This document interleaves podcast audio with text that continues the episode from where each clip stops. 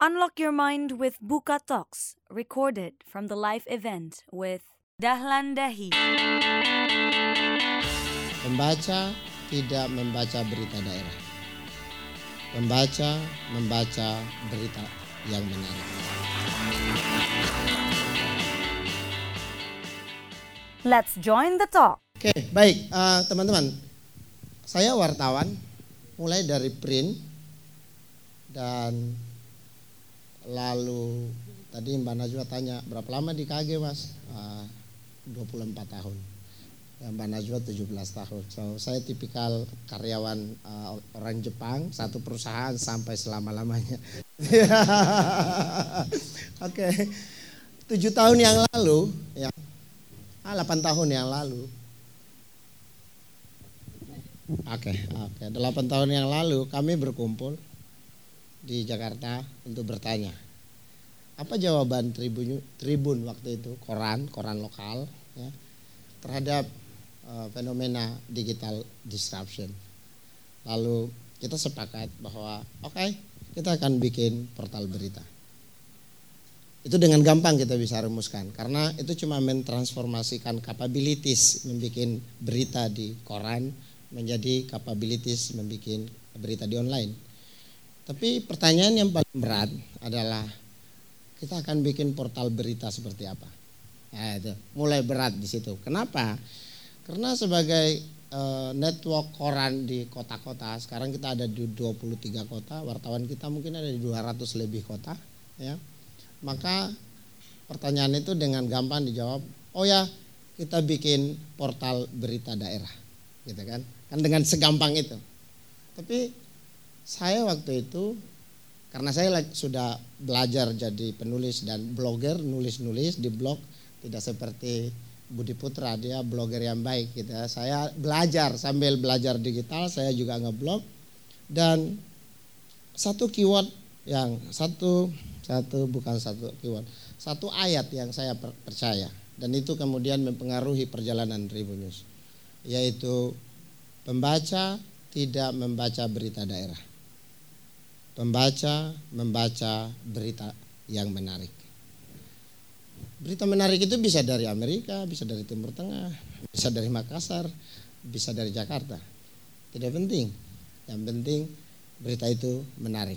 Itu kan? Itulah sekarang yang mewarnai Tribun News hari ini. Portal berita menarik.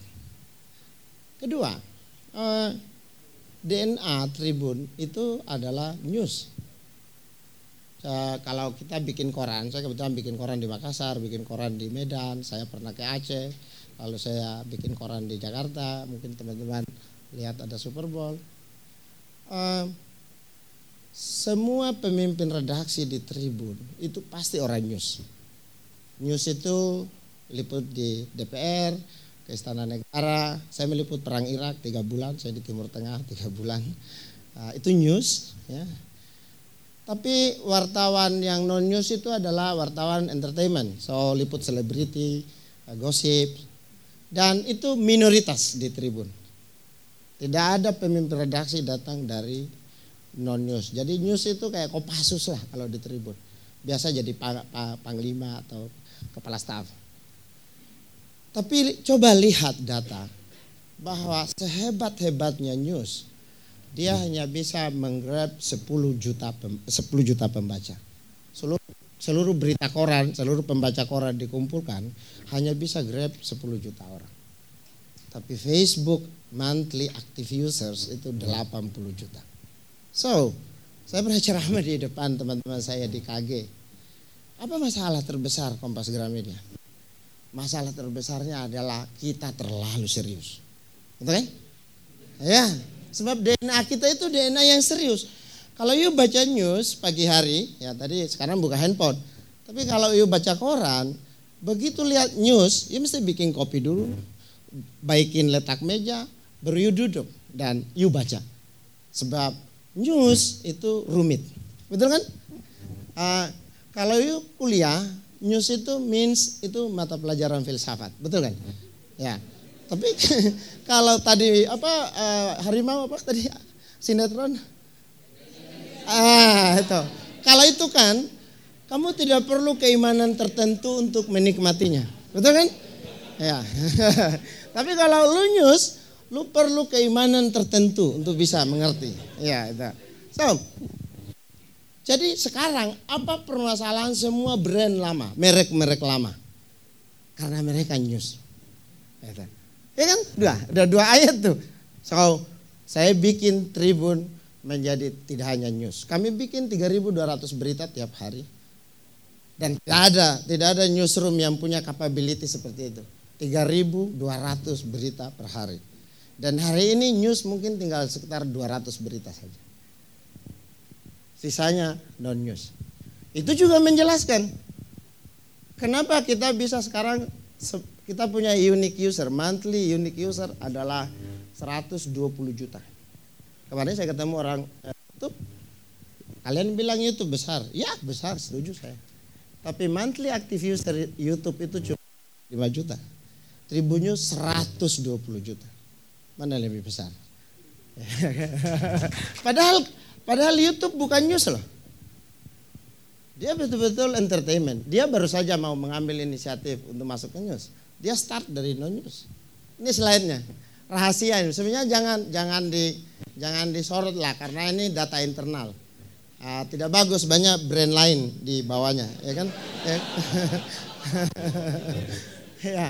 ini Tribun News ya Tribun News adalah satu-satunya website di dunia yang berbasis berita yang mengalahkan Google. You cari di mana pun tidak ada. Coba cari seluruh dunia. Portal berita terbesar di dunia itu CNN. Portal berita itu yuk kenal sebagai TV. Tapi di, di digital portal berita terbesar CNN. Ngalahin Washington Post, ngalahin BuzzFeed, ngalahin semuanya. Tapi yuk tahu berapa peringkat uh, eh, CNN di Amerika Serikat? Dua dua, dua satu. Tribun News nomor satu. Kira-kira 6-7 tahun yang lalu kami berdebat keras.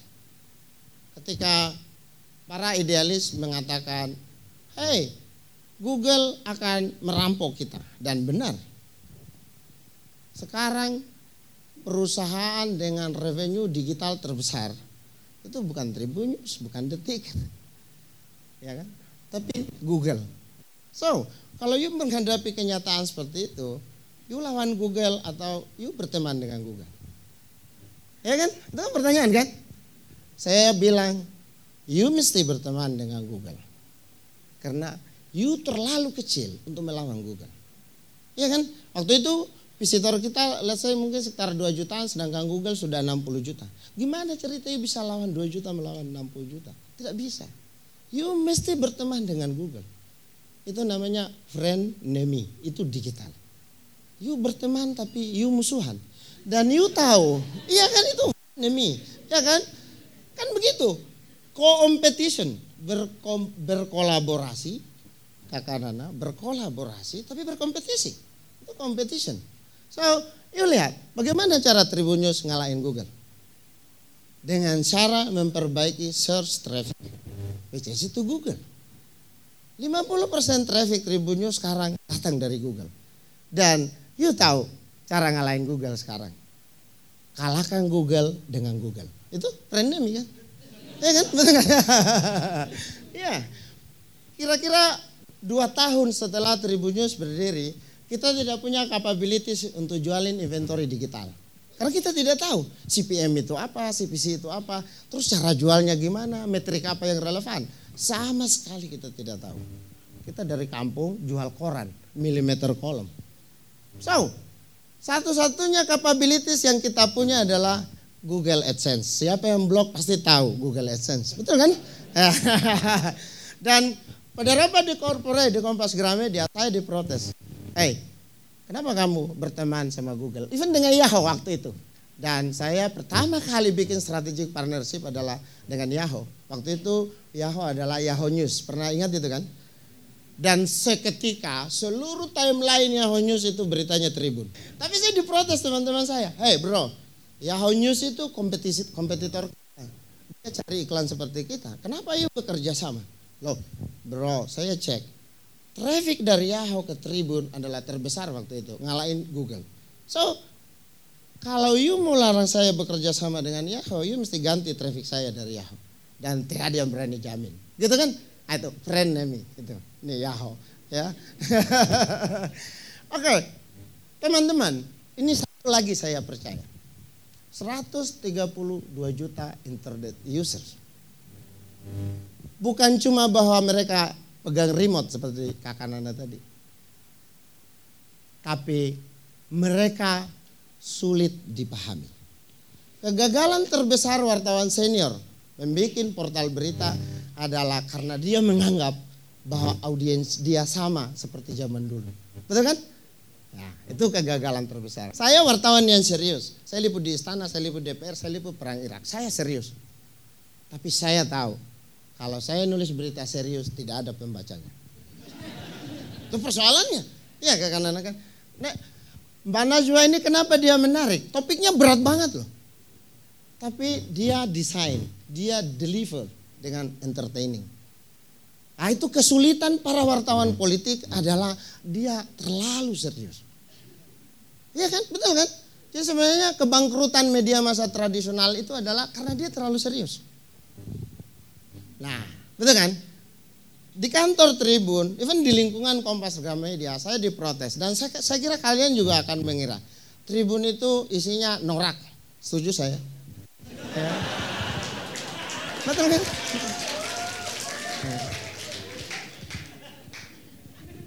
Tapi saya beritahu Anda, jangan-jangan audiens Indonesia suka yang norak. Iya kan?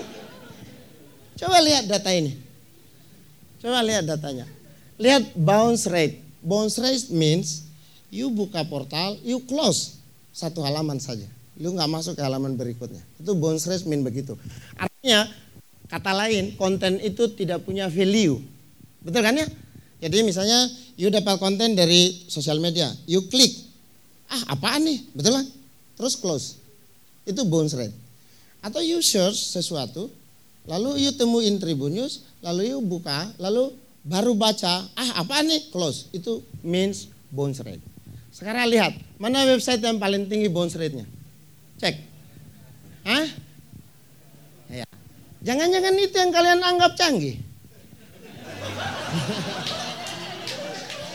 okay, clickbait. Clickbait means ini saya setahu saya, mungkin nanti kalian bisa koreksi, kalian bisa cek. Click clickbait itu istilah yang muncul ketika kita temukan sesuatu konten di Google, lalu setelah kita klik ternyata isinya tidak sesuai judulnya. Itu kan pengertian clickbait, which is ah which is clickbait itu pengertiannya negatif. Oke, okay. saya jelaskan dengan cara yang agak berbeda konten itu pertama kali dia harus punya relevansi. Ya, so relevansi tergantung kepada banyak hal, location, ya, demografi, misalnya laki perempuan, usia. Uh, via Valen mungkin untuk usia saya nggak terlalu menarik. Waktu pembukaan Asian Games, tahu nggak apa yang paling saya nikmati? Yang paling relevan dengan saya, kucu-kucu tai di dada. Ya kan? Dan ketika muncul orang Korea itu, ya saya nggak nonton TV lagi. Eh anak saya giliran yang nonton TV. Itu relevan. Betul kan ya? Itu relevan. So clickbait itu sebenarnya dia pingin relevan. Tapi mesin punya banyak cara untuk ngukur. Apakah konten yang relevan itu punya value atau enggak? Itu. Ya. Nah, cara ngukurnya adalah apakah berapa lama you consume judul yang kamu klik. Itu kenapa parameter time on site dipakai. Ini sebenarnya parameter yang dipakai untuk pemasang iklan. Sebab kalau kontennya value-nya begitu buruk, walaupun iklannya tampil kan sebenarnya dia membayar percuma juga kan. Betul kan? Tuh, itu time on site. Page per visit itu juga sama. Itu untuk mengukur seberapa dalam orang engage dengan konten. Jadi yang saya mau bilang adalah bahwa clickbait itu buruk. Ya, tapi jangan-jangan kalau clickbait itu didefinisikan sebagai konten yang tidak punya value, konten yang tidak punya nilai, jangan-jangan pendapat semua orang tidak sama. Itu mas. Kompas Gramedia punya 193 juta monthly active users. Itu laboratorium yang besar untuk tahu pembaca suka apa, pembaca tidak suka apa. Tidak kan? Jadi saya juga dengar kritik dari kampus, dari teman-teman aktivis, saya dengar. Tapi ke teman-teman Tribun saya selalu bilang, jangan-jangan yang kritik kita itu tersesat. iya dong. Jangan-jangan dia baca buku komunikasi tahun 1909 berapa, ketika Facebook belum ada, ketika Instagram belum ada. Lalu dia melihat dunia dengan buku tahun 1990 itu. Betul nggak? Ada jurusan komunikasi? Ada? Jangan-jangan kampus mengajarkan aliran sesat. ya, kenapa saya bilang begitu? Karena makin kalian paham buku itu, makin kalian tidak paham apa yang sedang terjadi. Betul nggak? Betul nggak? Dan saya tidak kaget kalau kalian kaget melihat data itu. Bahwa yang bounce rate-nya paling tinggi adalah itu. Betul kan ya? Lihat nggak? Coba lihat. Page views per visitor. Ini data Comscore loh, ini bukan data saya. Ini third party data, independen dan dipercaya. You bisa akses ini. Ya. You lihat page per session. Tribun News tidak buruk-buruk amat itu. Betul kan ya? so, data driven. Itu. Saya mengelola, jadi saya tahu waktu waktu kita nongol mengelola website, saya sudah lihat petanya. Eh, detik mengupload dua berita per eh, satu berita per dua menit. Detik sangat kuat di Twitter, 10 juta follow. So, kalau you kalahin detik dengan Twitter, coba you butuh 10 tahun. Karena setahun sehari tumbuh berapa follow, tumbuh berapa follow, you butuh 10 tahun. Dan saya bilang, jangan pernah kau kalahkan jago kungfu dengan main kungfu. Iya kan? Betul kan? Nah, oke. Okay. That's why, ya ini bahasa Inggris ini.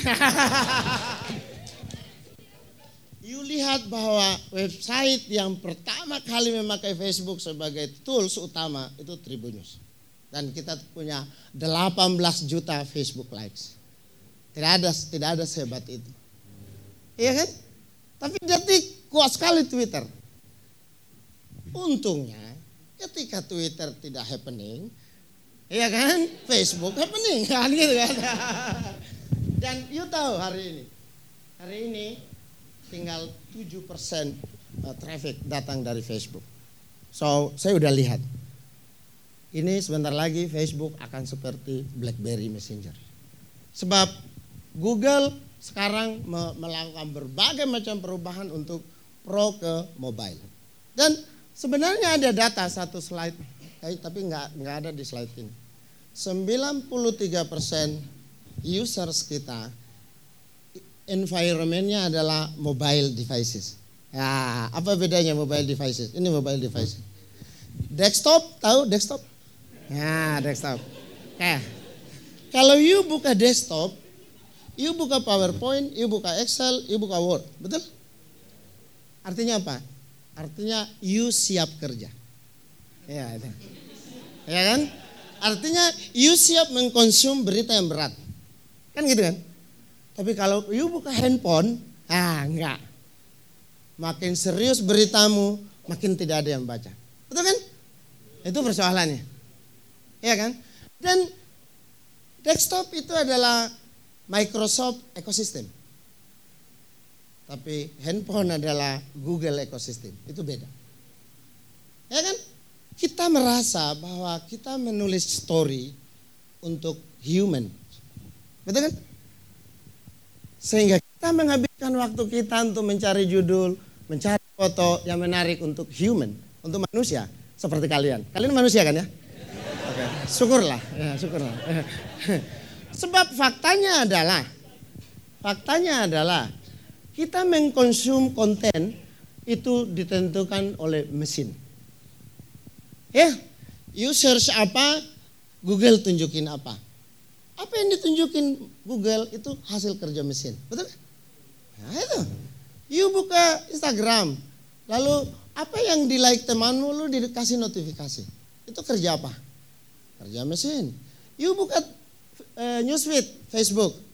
Lalu Lu diberitahu temanmu komen apa, temanmu like apa, betul? Itu kerja apa? Mesin.